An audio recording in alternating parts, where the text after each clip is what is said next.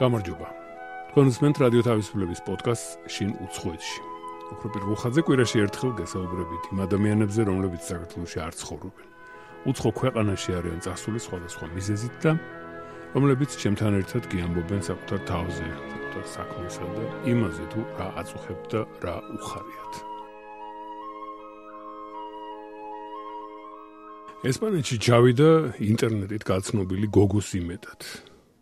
რომელიც მალევე გაუქარწყლდა. გიგა კოპაძე 24 წლისა იყო, როცა იდგა გალისიის ერთ ქალაქში მარტო და არ იცოდა რა ეკნა. სამეუბნეოდი ქართველი ვარო, აი ძალიან ზოგი ძალიან ცუდი სახით გამომისტურებდა, ზოგი ასე ღიმილიანად მეუბნეოდა, რომ აღარ გვაქვს ოთახი დარჩენილი. მას მე უკვე 7 წელიწადი გავიდა. ის ახლა მადრიდის უნივერსიტეტში, სადაც მაგისტრის ხარისხი მიიღო, სასწავლო რესურსებისა და ონლაინ სწავლების დეპარტამენტის მენეჯერია. აქვე გეტყვით, რომ IE უნივერსიტეტი მსოფლიოს რეიტინგში ტოპ 3-ში თავისი ონლაინ პროგრამებით. გიგა კოპაძისთვის ესპანეთს იმედი არ გაუცრუებია. პირიქით, უკეთესი აღმოჩნდა, ვიდრე წარმოედგინა. პლუსის 200 ან 400 ევრო თვეში, რასაც ვიღებდი მოხუცკაცთან რომ მუშაობდი, მაგ დროს უკვე თავს აი ისე ვგრძნობდი შემდგარ ადამიანად. ჩვენი უნივერსიტეტი დაფუძნებული ადამიანებზე, მრავალფეროვნება, პატივისცემა, ასე შემდეგ და არ მე მგონი რაღაცა იფიქრეს ეს ისეთი უცნაური კანდიდატი ვიქნებოდი საინტერესო სახე და არ ვიცი გადაწყვიტეს შანსი მოეცათ. მაგრამ თავისი პირადი პირველი გეგმა განხორციელებელი დარჩა. თუმცა უნივერსიტეტის სასწავლო რესურსებისა და ონლაინ სწავლების დეპარტამენტის მენეჯერს დღეს ეღიმება, როცა განვილი 7 წლიანი გზის შესახებ გვიამბობს და აგიხსნით, რასაკეთებს დღეს. ქმნით სასწავლო მასალებს მაგისტრატურისთვის. მაგის გარდა ონლაინ კურსებს ქმნით, მოკლე კურსებს, რომელსაც ვთავაზობთ კომპანიებს თავისი თანამშრომლებისთვის გადამზადებისთვის, რა. თავიდან ეს ეს კურსები მაინც და მაინც კარგად არ მუშაობდა, მაგრამ ეს სასწავლო მასალები კი ძალიან კარგად მუშაობს. ჩემი მოვალეობა ახლა მაგალითად არის ისე ძღერ რაღაცა უცნაურად, მაგრამ მასტერ კლასებს უტარებ ლექტორებს, მაგისტრატურის ლექტორებს როგორ გამოიყენონ ეს მასალები. ჩემი მოვალეობა ასევე ჩემი უნივერსიტეტის გარეთ გავიტანო ეს ყველაფერი, გავაცნო ეს სხვა დანარჩენ უნივერსიტეტებს და ანუ გავყიდო რა. ჩვენი უნივერსიტეტისთვის უფასოა და უნივერსიტეტის გარეთ უნდა გავყიდო. ანუ კომერციული პროფილიც აქვს ჩემს სამსახურს, აკადემიური და კომერციული. ძალიან ისე დონის უნივერსიტეტებთან მოხსნა შეხვედრა როგორც ჰარვარდია, ინსეადი, ასე შემდეგ. და რაც შეეხება ონლაინ კურსებს პანდემიის დაწყებიდან გავხდით, არ ვიცი, უნიშნელოვანესი დეპარტამენტი ჩვენი უნივერსიტეტისთვის. პანდემიის დროს უნივერსიტეტმა ძალიან ბევრი სტუდენტი დაკარგა, ანუ ვერ მიიღო და ჩვენი დეპარტამენტი რაღაცა ესეთ გამოჩდით გადამრჩენელად უნივერსიტეტისა, რომ წაგებაში არ წასულიყო. ჩვენი მხელა მოგება მოუტანეთ ამ ერთ წელიწადში უნივერსიტეტს, რომ გადაფარა სტუდენტების არ ქონა. თერ მოდი, თავიდან დავიწყოთ ნელ-ნელა მივყვეთ გიგას ესპანურ თავგადასავალს. საერთოდ ბავშვობიდან სურდა უცხოეთში წასვლა და ბოლოს და ბოლოს ამ ქვეყნის შესანიშნავ სანაპიროებსა და ბუნებაზე ოცნებამ გააცხოველა სურვილი იბერიის ნახევარკუნძულს წვეოდა. იყო კიდევ ერთი ფაქტორი. ამას დაემატა ახალი ფაქტორი, ეს ადამიანი, რომელიც გავიცანი ინტერნეტით. დაახლოებით 1 წელი ვლაპარაკობდი ამ ადამიანთან, ძალიან აი გულახდილი საუბრები, ძალიან ძალიან მეგობრული საუბრები გქონდა ხოლმე და ეგრეთ წარმოგედგინა, რომ იყო ჩემი მეგობარი, აი ძალიან დიდად დიდი პროცენტით ვენდობოდი ამ ადამიანს. და კი, ანუ საბოლოო ფაქტორი, რომელმაც ეს იმპულსი მომწრაკ წამოსულიყავ იყო ეს ადამიანი. მე 7 წლის წინ ჩამოვედი და მაგ პერიოდში საქართველოსდან ევროპაში წასვლა არც ისე ადვილი არ იყო როგორც ახლა. ანუ ვიზა გჭირდებოდა ვიზისთვის ცალკე თანხა იყო საჭირო, კიდევ უნდა წარმოგედგინა რომ ფულს ფლობდი სადღაც 3000 ევრო დამიჯდა აქ ჩამოხდა, რომელიც ძალიან დიდი ფული იყო მაშინ ჩემთვის და ჩემი ოჯახისთვის. გეგმა იყო რომ ჩავსულიყავი ამ ადამიანთან, ესპანელი იყო ეს ადამიანი. გეგმა ეგეთი იყო, უნდა ჩავსულიყავი მის ქალაქში, მეც ხორა მის სახლში, დამეხმარებოდა სამსახურის შოვნაში, მანამდე შემიძლია მის სახლში ცხოვრება, არანაირი პრობლემა არ შემექმნებოდა, ეკონომიკურად არ მჭირდებოდა დიდი სახსრებით წასვლა, რაღაც 500 ევრო მქონდა სულ მოგროვილი ყოველი შემთხვევისთვის. მაგრამ როგორც კი ჩამოვედი მადრიდში, ბოლო ზარი გქონდა, ანუ ბოლოს ვილაპარაკეთ, როცა მადრიდში ჩამოფრინდი და უთხარი უკვე მადრიდში ვარ და მატარებელი უნდა მატარებელში უნდა ჩამჯდარიყავი, წავსულიყავი მის ქალაქში, რაღაც 5 საათი ჭირდებოდა მატარებელში. შემდეგ ამ ადამიანთან კონტაქტი აღარ მქონია. რა გაეწყობოდა? ჯერ თავისი ჩემოდნით ქალაქის სანაპიროზე ისეირნა. მე მოძებნა სასტუმრო, დაბინავდა და იქ შფოთვარე ღამე გაატარა იმის ფიქრში, რა ეკნა. ოჯახს და მეგობრებს სურათები გაუგზავნა ნახეთ, რა კარგად მოვეწყვეო. არ გაუმხილა სინამდვილეში რაც ხდებოდა. მეორე დღეს უფრო იაფ სასტუმროს მიაგნო, იქ ხუთი დღე იცხოვრა და ბინის ძებნა დაიწყო.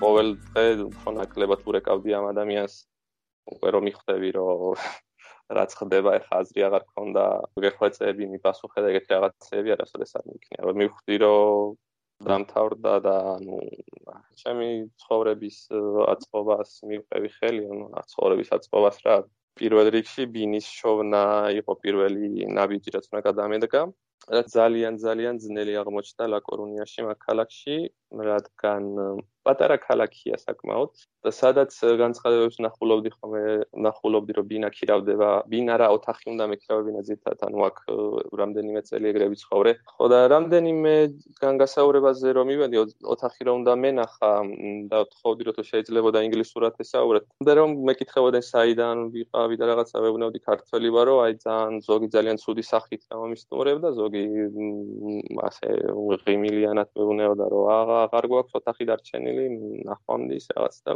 ვერ ხვდებოდი რა შუაში იყო ქართველი ვიყავით ის ინგლისელი რატო რატო არ მაქცევდნენ ოთახს მეოთხე დღეს შევედი ერთ აქ ლოკუტორიო ქვია რაღაცა მაღაზიასავით არის ინტერნეტ კაფეებია შევედი და ხო რობინას ვეძებდი და თუ იცოდნენ რამენ.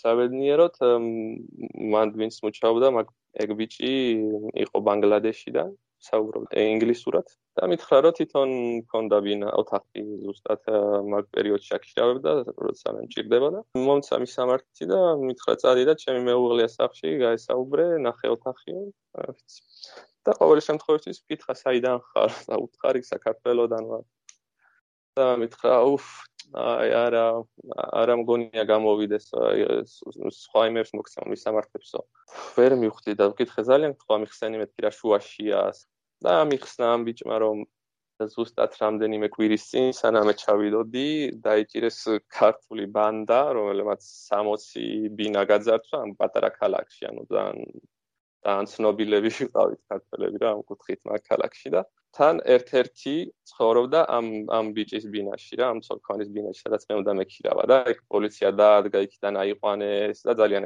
ცუდი გამოცდილება ჰქონდათ და მესმის რომ ახლა არის რატომ უნდა ენდო ადამიანს როცა არ იცნობ ხო მაგათიც მესმის. გიგამ გაუგო ბანგლადეშს რომელმაც თავდაპირველად მისი ქართველობის გამო ბინაზე უარი უთხრა მაგრამ იმავე ბანგლადეშელმა და მისმა ბრაზილიელმა ცოლმა მიუსაფარ ქართველს კარი არ მიუხურეს როცა შეიტყვეს როგორ დააღალატა ახალგაზრდა კაცი მათმა თანაქალაქელმა ქალმა დაპირდა დაგეხმარები ჩამოდიოდა მერე დაიკარგა ეს ბანგლადეშელი იყო პირველი ადამიანი, ვისაც გიგა კოპაძემ თავისი წინაკვირის თავგადასავალი უამბო. უთხრა, რომ უკან ვერ დაბრუნდებოდა, რადგან დიდი ხარჯი გასწია და ვალი დაედო.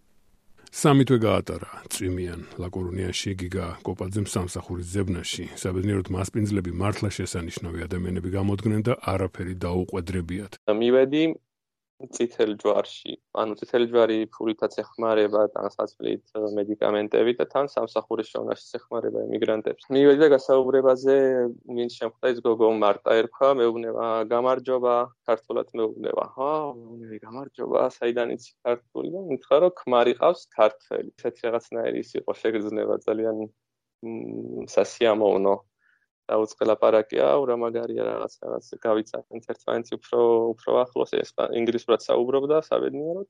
და გამაცმა თავისი მეუღლე. მეორე დღეს მოვიდა მერაბი ქვია მაგბიჩ, მერაბი იყო ჩემთვის პირველი ნათელი წერტილი აქ ჩამოსვლის პირველივე დღიდან, ანუ მთელი სიძნელეები რაც გადავიტანე ამ დღეების განმავლობაში, აი მაგბიჩის გაცნობა იყო რაღაცა ნათელი წერტილი. ძალიან სასიამოვნო იყო. მერაბი იყო ის, ვინც მას ყველანაირად და ყველაფრით დაეხმარა. იმის გამო რომ ქართველებს სახელი გაუტეხა ქურდების პატარა, მაგრამ ჩანს აქტიურმა ჯგუფმა გიგა თავისებურად ამის მსხვერპლი შეიქმნა. მაგრამ ეს ერთი მხარეა. სხვა მხარეს არიან სხვა ქართველები.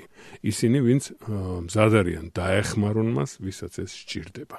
კი, მინდოდა მეხსენებინა ბექაბურჯანაძე, არ ვიცი თუ თუ ეცნობათ ცნობილი ქართველი კალათბურთელია საქართველოს ნაკრებში თამაშობს. და ინტერნეტით ანუ Facebook-ზე მიუყვებოდი რა ვაფოლოვებდი და ვიცოდი რომ კორუნიაში ცხოვრობდა მან ქალაქში და მივწერე რომ იქ ვიყავი და სიამოვნებით შევხვდებოდი გავიცნობდი და იმავე დღეს შევხვდით. ძალიან სასიამოვნო ბიჭია ერთად პივახსმე დავათვალი დამათვალიერებინა თავისი საყარელი ადგილები მიწევდა თავის თამაშებზე დავდიოდი კორუნის თავარ გუნდში თამაშობდა კალათბურთს. ახლა ლამის სახალისოთ ჟღერს ის რომ გიგა კოპაძეს ესპანეთში მეორე ზღაპრული ცხოვრებაც ჰქონდა. და ის იყო ყველაზე ძნელი რომ საქართველოში მცხოვრებთ ვერ უმხელდა სინამდვილეს. ცხოვრება რომელზეც უყვებოდა თავის მეგობრებს და ნათესავებს ოჯახს რომ თავს მშვენივრად გძნობს, რომ ცხოვრობს ოჯახში. გამოგონილი იყო და ეს ტყუილების ჯაჭვი ვეღარ გაწყვიტა. რისიც ახლა არ ცხენია კიდეც, მაგრამ მაშინ სხვა გზა არ ჰქონდა. ართობდა ოჯახს, უამბობდა თავისი არარსებული წარმატების შესახებ. წითელი ჯვარი მაგალითად მიყიდი და ბილეთებს დაუბრუნდებოდი საქართველოში, არ იყო პრობლემა, მაგრამ როგორ დაუბრუნებულიყავი, როცა 3000 ევრო ბანკიდან გამოტანილი 3000 ევროც ჩამოვედი აქ, და ორ დღეში ბრუნდები უკან მაგ მინუს 3000 ევროთი და ესეთი გულგატეხილი და რაც აი არ მინდოდა რა. ჩემ თავს ვუთხარი რომ ერთი წელი მაინც გავძლოთ როგორ როგორ შეიძლება უნდა შევძლოთ ყველაფერი შეუძლებელი შესაძლებელი და თუ ერთი წელიწადში არაფერი გამოვიდა წავალთ უკან ახლა თავსაც არ მოვიკლავდი მაგით რა. და საბედნიეროდ არ წავედი შემორჩია უკვე 7 წელი და მე ვიყავი ყველანაირად გამოუცდელი, ანუ არც მოგზავ ნამოგზაურები მქონდა უცხო ქვეყანაში, საქართველოსთან გასული არ ვიყავი არასოდეს რა 24 წლამდე. ძალიან ოჯახის ბიჭი ვიყავი, მიყვარდა სახლი, სახლის საქმეები, ბოსტანში მუშაობა, ასე შემდეგ, ანუ რაღაცნაირი ცოტა განსხვავებული ტიპი ვიყავი ბავშვობიდან რა. ასე გაიარა სამათვემ და გიგამ გადაწყვიტა სხვაგან ეცადა ბედი, რადგან განიცდიდა სხვის ხარჯზე რომ უწევდა ცხოვრება. ერთმა პარიზელმა ნაცნობმა, რომელსაც გიგამ მიმართა, რადგან სხვა შანსი აღარ ჰქონდა, აუხსნა. აქ ტოლვილად 6 თვით მაინც იარსებებო. მერაბმა უყიდა ბილეთი, მაგრამ უკვე გზაში მყოფს ახლობელმა ყოველი შემთხვევისთვის ტელეფონით აუხსნა, რომ საფრანგეთში შეიძლება ქურდობაც დასჭირვებოდა საარსებოდ. საფრანგეთის ვარიანტი გაუქმდა და გიგამ გადაწყვიტა მადრიდში ჩასულიყო. ერთი მწარე ღამე გაატარა სან სებასტიანში, სხვათა შორის ულამაზეს ქალაქში და დაიწყო უკვე შემდეგი მადრიდის ეტაპი.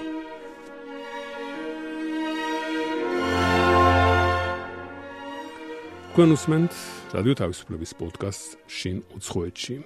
ესპანეთში გატარებულ წლებზე იქაურ თავგადასავალზე გიამბობთ გიგა კოპაძე. ახლა მადრიდში დაფუძნებული სასწავლო რესურსებისა და ონლაინ სწავლების დეპარტამენტის მენეჯერი. პროგრამას უძღვება ოქროპირ რუხაძე.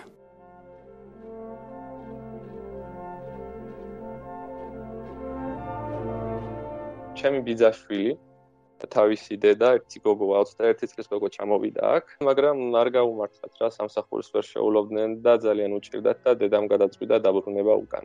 და ზუსტად სან სებასტიანში ვარ მაგღამით როცა ანუ უბრალოდ გამთენი ისას როცა დედამისი მირეკავს ჩემი ჩემი ბიძაშვილის დედა.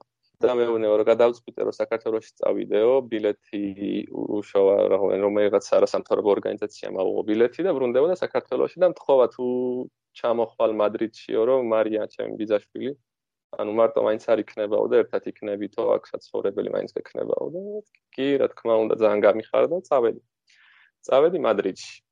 ავტოსტოპით სან სებასტიანიდან დაახლოებით 700 კილომეტრია თუ არ ვცდები ჩამოვედი მადრიდში. ამ ვიცხო ანუ მაგ ჩამოსვლის დღიდან ჩემი ცხოვრება და ჩემი ბიძაშვილის ცხოვრება უკვე საერთო გახდა. ანუ ყველაფერი ერთად გადაგქონდა ერთად გადავიტანეთ ბევრი ცუდი დღეებიც ვახსოვს მაგრამ გუშინ ზუსტად ვახსოვდით ერთად დავიხსენებდით მაგ ცუდ დღეებს, მაგრამ რაც ყველაზე ძალიან מחარებს, ანუ ღიმილით ვიხსენებ და გვეცინებოდა ხოლმე მაგ დღეებს. რა უგახსოვს ყოველ დღე რომ ბრინჯ ჭამდი და შენ რომ მეუბნევოდი დღეს რა გირჩევნია ბრინჯი ბოსტნეული თუ ბრინჯი რძით და რაღაც ეგეთი რაღაცები. ბრინჯი გქონდა ძალიან ბევრი, იმიტომ რომ ციცელი ჯვარი კვირაში რამდენიმე კილო ბრინჯს გვაძლევდა ხოლმე. ხო და ძალიან ეხლა სიცილით და ესე გვახსენდება რიმილით, მაგრამ საკმაოდ რთული იყო.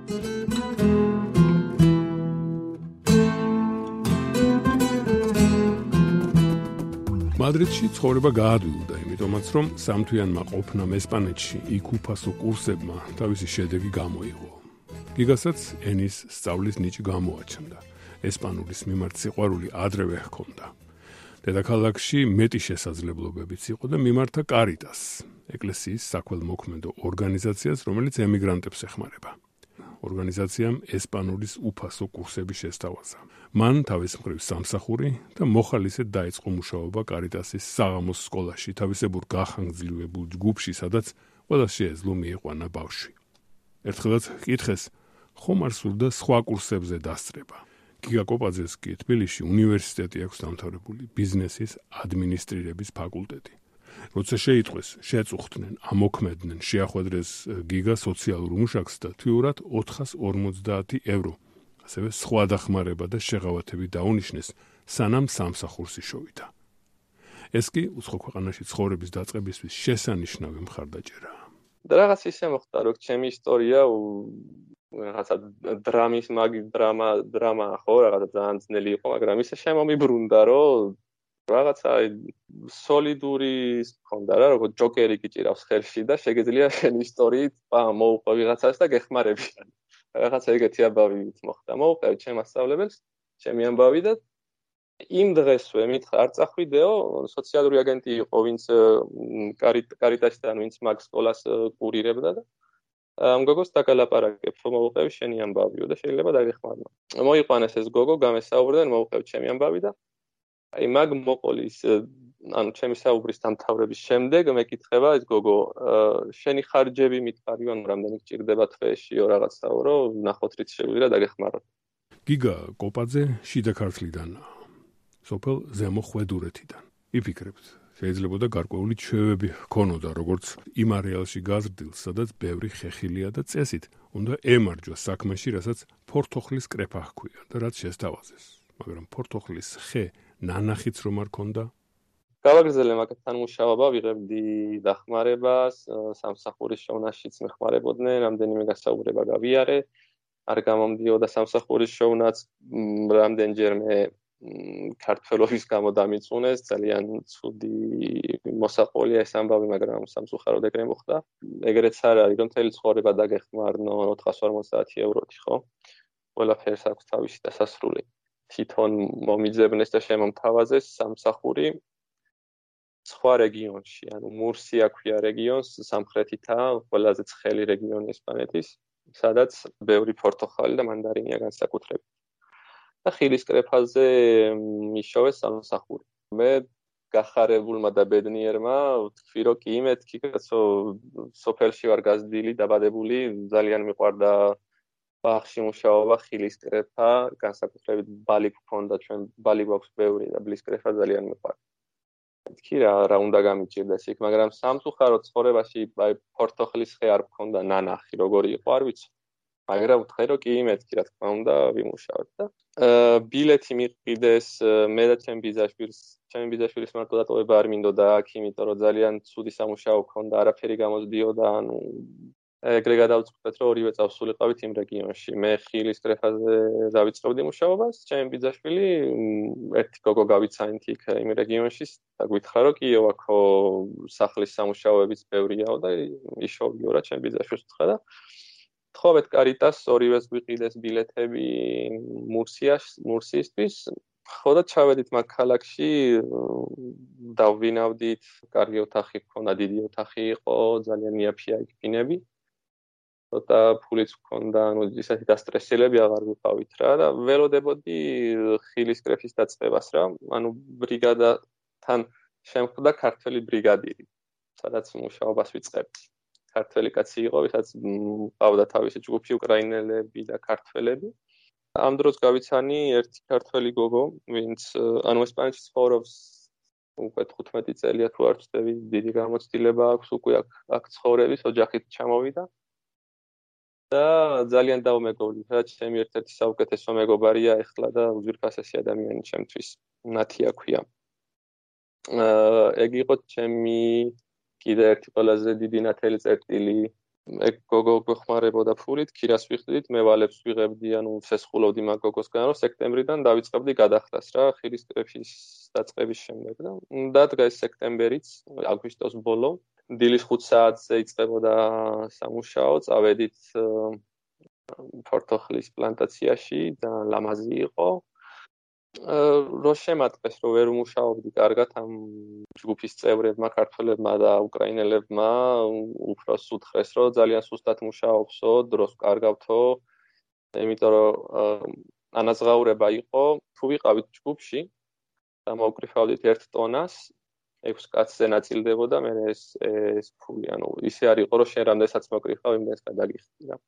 ერთი დღე ვიმუშავე და მეორე დღეს რო გავიგოზე 5 საათზე და მივედი საიდანაც ფურგონი გადიოდა რომ ბაღში წავეყვანეთ მითხრეს რომ არაო. ანუ უკმაყოფილოები არიანო რა ჯგუფის წევრებიო რომ გათავისუფლებული შავეო და 25 ევრო რაც გუშინ იმუშავეო მომცეს. და ეგრე მითხრა ზუსტად მახსოვს იმ კაცმა. შვილო წადი მადრიდშიო რა გინდა აქ შენი ადგილი არ არისო ერთ დღეში დამითხოვეს დრო გადიოდა და გიგამ თავის თავს ერთი თვის ვადა მისცა. თუ ვერ იშოვიდა სამუშაოს, უკან დაბრუნებულიყო. და არ დაგავიწყდეთ, რომ მას ამავე დროს უნდა რაღაც მოეგონებინა და ნათესავ ახლობლებისთვის აეხსნა, რატომ დატოვა მადრიდი, რისთვის წავიდა მურსიაში. როცა იცოდნენ, რომ გიგამ შვენივრად გრძნობდა თავს თავის შეყვარებულთან ლაკორონიაში. და სამუშაოს ძებნა გრძელდება. ზუსტად მაგ დღეებში მქონდა გასაუბრება ერთ ანუ ხნიერი კაცი ეძებდა დამხმარეს სახში ბიჭი უნდოდა რომ იმიტომ რომ ძიმე რაღაცეების აწევა იყო საჭირო დიდი ტერასა ქონდა დიდი მცენარეები მცენარეების მოვლა ძალიან მიყვარს და მაგაზე არც არასოდეს ვიწუწუნებდი საყიდლები სახლის დალაგება ყველაფერი ესაჭირებოდა რა მაგრამ კვირაში მაქსიმუმ 2 დღე, მინიმუმ 1 დღე და ხანდახან 2 დღე მიბარებდა ხოლმე. და დღეში 50 ევროს მიხდი და ანუ თვეში 200-დან 400 ევრომდე გამომდიოდა, ძალიან კაი იყო. აა ქუჩაში რო დავრჩი, ზუსტად ერთი დღე მქონდა ნამუშევარი. ესე ქუჩაში რო დავრჩი, მოვდიოდი ისე ჩემი ჩემოდნით. აა მინდოდა ოთახის მოძებნა რა. დავინახე ორი ორი ბიჭი, ორი ახალგაზრდა, ორი თითქმის ბავშვები რა, 16-17 წლისები იყვნენ. დედამისი აკრავდნენ განცხადებას ქუჩაში, რომ ოთახს აკირავებდნენ. პერუდან იყვნენ. და ვკითხე, აქვს ფინანს ვეძებ მეთქი ოთახს და თქვენ აკირავებთ და მითხეს, კი, რაღაც და კითხეს რა საქმიანობ რაღაცა ესე ისე. და გადავწყვიტე, მანდაც მომეთყუებინა და მეთქვა, რომ ინგლისურს ვასწავლი მეთქი რა. ნახევრად ტყუილი იყო მოხალისეთ მუშაობდი მათ ლამასწავლებდა ამიხეს აა რა მაგარიაო ჩემ ბავშვებისთვისაც მინდა ინგლისურის გაკვეთილების დაწყებაო რაღაცა. გავესაუბრე გამესაუბრე და მაგ ბავშვების დედა ოთახი მაჩვენა ძალიან იაფად მომაქირავა მადრიდში საკმაოდ კარგ ადგილზე პლუს ის 200 ან 400 ევრო თვეში რასაც ვიღებდი მოხუცკასთან რომ მუშაობდი. მაგ დროს უკვე თავს აი ისე ვგრძნობდი შემდგარ ადამიანად. ამ სუბაში ესპანეთში ცხოვრების ერთმა წელმა განვლო. ამ დროს გადაწყვიტა გიგამ მეგობრებისთვის, შემდეგ კი დედისთვისაც ეთქვა სიმართლე, რაც შეემთხვა და როგორ ცხოვრობდა სინამდვილეში. და ჩემო ჯახს ჯერ დედა ჩემს მოუხევი, მაგრამ ძალიან ისე მსუბუქ ფორმებში ძირითადად ეკუთხარი რომ ის გოგო არასოდეს არ გამი ანუ ვერ გავიცანი მეთქი რა არ გამოჩნდა რაღაცა მაგრამ ეხლა ყოველგვარი დეტალები არ მომიყოლია ხო იცი როგორია დედის გული. თან თან დედა ჩემი ძალიან ემოციური ხალია არ მინდოდა ძალიან განეცადა ეს ჩემი ამბები. მაგრამ რაც თავარია მაშინ მაშინ უყვები ყველაფერს ჩემს მეგობრებსაც შემოჯახ როცა უკვე თავს კარგად ვგრძნობ იმის შესაძლებლობაც მაქვს რომ 100 ევრო მაინც გავაგზავნო სახში ხან ისე გამოდიოდა ხოლმე რომ თვეში 800 ევრო გამოდიოდა და მაგ დროს უკვე თავი მილიონერი მეკონა და სახში შემეძლო 300 ევრო გამეგზავნა და კარიტასთან თანამშრომლობის პერიოდში გიგა კოპაძემ გაიცნო სასულიერო პირები, კათოლიკე მღვდლები, რომლებიც ადმინისტრაციულად დაკავშირებული იყვნენ უშუალოდ უწყებასთან. ერთ-ერთ მათგანს დაუმეგობრდა კიდეც. მათთან და კიდევ ერთ პირთან კარიტასის სპონსორთან კავშირის გზით მოხდა გიგა პროგრამაში რომელიც ესწრაფვის უცხოეთიდან ჩამოსული ახალგაზრდები ვისაც ამის სურვილი და უნარი აქვს არახილის საკრეფას მშენებლობაზე არამედ უფრო სხვა ტიპის საქმით დაკავდნენ. მოვლენები ისე გავითარდა რომ თავდაპირველი კურსები რომელიც ტურიზმთან იყო დაკავშირებული სადაც გიგამ სწავლა ისურვა წარმატებით დაასრულა და მითხრა მგონი სიბეჯითე მომიწონეს და უკვე უნივერსიტეტი შემომთავაზესო. იქი არჩევანი არ იყო და გიგამისურვა ბიზნეს მენეჯმენტი ესწავლა. დარგი, რომელიც გარკვეულწილად განვლილი ჰქონდა საქართველოში. მაიძულესავით რა, რომ განცხადი შემეტანა მაგ მაგისტრატურაზე. Master in Management. შევავსე აპლიკაცია გრანტის მოსაპოვებლად და 50% მოვიპოვე, იმას არ ვამბობ, რომ ჩემი შევსებული აპლიკაციის გამო მოვიპოვე, ისინი დამეხმარნენ და მაგის გამო იყო რა, ანუ როგორც პროექტის ნაწილი ეგრე იყო, რომ გრანტი უნდა მიმეღო რა. ეგ ჩემი დიდი დამსახურების გამო არის. მაგრამ 50% გრანტი კარგია ხო, მაგრამ 22000 ევრო რჩებოდა გადასახდელი და მაგის გადახდის თავი არ მქონდა. და გადავწყვიტე მაგისტრატურა, ანუ გრანტის 100%-იანი გრანტის მოსაპოვებლად ბრძოლა. ჩვენი უნივერსიტეტის ძირითადი ფუძე არის დაფუძნებული ადამიანებზე, მრავალფეროვნება, პატივისცემა, ასე შემდეგ და არ მე მგონი რაღაცა იფიქრეს ეს ისეთი უცნაური კანდიდატი ვიქნებოდი საინტერესო სახე და არ ვიცი გადაწყვიტეს შანსი მოეცათ დავალება მომცეს რომ რაღაცა ესე უნდა დამეწერა კონკრეტულ თემაზე. დავწერე ჩემი ჯარში ყოფნის შესახებ და რაღაც ნიშნულოვან გადაწყვეტილებაზე რაც იქ მივიღე და მაგ ესეს შემდეგ და გასაუბრებ კიდევ მესამე გასაუბრების შემდეგ 100%-იანი გრანტი მომანიჭეს და შევძელე საქართველოს ჯარში ყოფნის შესახებ ისტორია დაწერეთ? კი კი საქართველოსში 2011 წელს მომიწია ჯარში წასვლა. ერთ-ერთი ეგეთი შემთხვევა იყო, უნდა გამეკეთებინა ესეთი რაღაცა, რასაც სასტიკად ვეწინააღმდეგებოდი და არ მიმაჩნდა სწორად არც ეთიკურად, არც მორალურად, არც პოლიტიკურად და არანაირად არ მიმაჩნდა სწორად. გადაწყვეტილება ის იყო, რომ რამდენჯერმე უარის თქმის შემდეგ, რომ უთხარი რომ ამას ვერ გავაკეთებ და არ მიმაჩნია სწორად, სამი გაფრთხილება მქონდა უკვე, უბრალოდ ორი გაფრთხილება მქონდა უკვე და მესამე გაფრთხილებაზე პატიმრობა მე მუქრებოდა რამდენიმე დღით ან რამდენიმე კვირით. არაფერი გადაწყვეტე, რომ ერთადერთი გამოსავალი იქნებოდა რომ არც მე დავზიანებულიყავი ძალიან ფიზიკურად და მორალურად და თან ჩემ თავთან მართალი დარჩენილიყავი და არ გამეკეთებინა ის რის გაკეთებას არ მინდოდა და არ მიმაჩნდა არასწორად მოვიმიზესე ბრმანაწლავის შეტევა და ოპერაცია გავიკეთე. ეგაო თავისუფლდი რამდენიმე კვირით ჯარისგან. და უბრალოდ ამ ისტორიამ ეს იყო ამბავი რომელიც დაწერეთ იმისთვის რომ თლიანი გრანტი მიიღოთ აი ეს არის ხო? კი. ანუ თემა იყო ეთიკა და გადაწყვეტილებების მიღება. ანუ უნდა განმემითარებინა ერთი ეს თემა და დამეწერა ისეთი გადაწყვეტილება, ანუ ძალიან მნიშვნელოვანი რამ, რაც ცხოვრებაში მიმიღია გადაწყვეტილებებიდან, ჩემი გადაწყვეტილებებიდან, რამდენად ეთიკურად მიმაჩნდა და დავწერე ამ გადაწყვეტილების შესახებ, რა თქმა უნდა, ცოტა შერბილებულად და ისე არ მithფია თარიღები და სახელები და ასე შემდეგ, მაგრამ ისტორია მოვყვები რა ბოლოს მახსოვს ვიძახდი რომ კი გადაწყვეტილება მივიღე და ჩემ თავთან მართალი დავრჩი, მაგრამ არ ვიცი რამდენად ეთიკური იყო ეს გადაწყვეტილება. ანუ ჩემ თავთან რომ მართალი დავრჩენილიყავი, მაგის გამო მოვიტყვე და მოთყვება რა ეთიკური, მაგრამ საბოლოო ჯამში მე კმაყოფილი გამოვედი მაგ სიტუაციიდან, იმიტომ რომ ჩემი ტყუილი დამეხმარა იმაში, რომ მიმეღწია მილანს.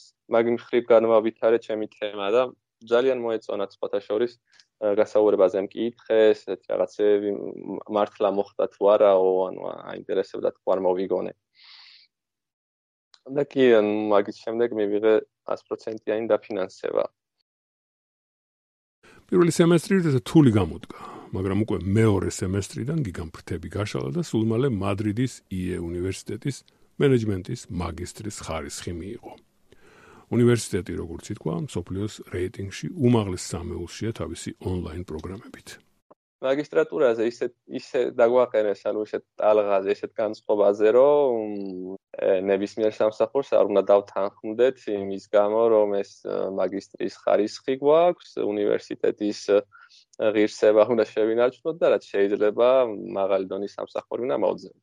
უნივერსიტეტში, სადაც მაგისტრის ხარისხი მიიღო, ახლა ის სასწავლო რესურსებისა და ონლაინ სწავლების დეპარტამენტის მენეჯერია. როგორც შეიტყვეთ, გიგა კოპაძე აუყვა კარიერის კიბეს საკუთარ უნივერსიტეტში. ჯერ იმუშავა ასისტენტად, შემდეგ კი გაჩნდა უკეთესი შესაძლებლობები. ეს უკვე მესამე წელიწადია ახლანდელ ამჟამინდელ თანამდებობაზეა. სხვათა შორის მასტერკლასებსაც უტარებს ლექტორებს. არ გეგონოთ გიგა კოპაძე მიღწეულით დაკმაყოფილდა. პარალელურად აპირებს უნივერსიტეტში ლექციების კითხვა დაიწყოს, რისთვისაც სათანადო მომზადებას გაივლის. და კიდევ ერთი ამბიციური გეგმა მაქვს, მინდა საკუთარი საგანი გამოვიგონო, ასე მითხრა. და სულ ბოლოს, საქართველოსი არაპირებს დაბრუნებას. იმასაც კი განვიცდი, ჩემები რომ ცხოვრობენ იქ, ნეტა შემეძლოს ყოველას აქ წამოყვანაო. აქ ძალიან ბედნიერად ვხსნობ თავს, ბევრი მეგობარი მყავს. ახლა ბოლოს რო ვიყავით წასული მაგაზე ვფიქრობდი ზუსტად. რომ ჩავდივარ საქართველოს რომ ჩავფრინდები, რაღაც გულის სიხარულით მიძგერს, რომ ჩემო ჯახს ნახავ, ჩემ მეგობრებს ნახავ, რამდენიმე კვირას გავატარებ მაგათთან ერთად. და დაბრუნებისას უმეკითხება ხომ დედა, აა გული არ წდება რომ მიდიხარ და ისე ვიქ მიდიხარ იქ სამსახური, გადაკარგულში და ვეუბნები ხომ არა დედა, არ წდება გული, იქაც სიხარულით მივდივარ, იქაც მელოდება ხალხი, იქაც თავს მეგობრები.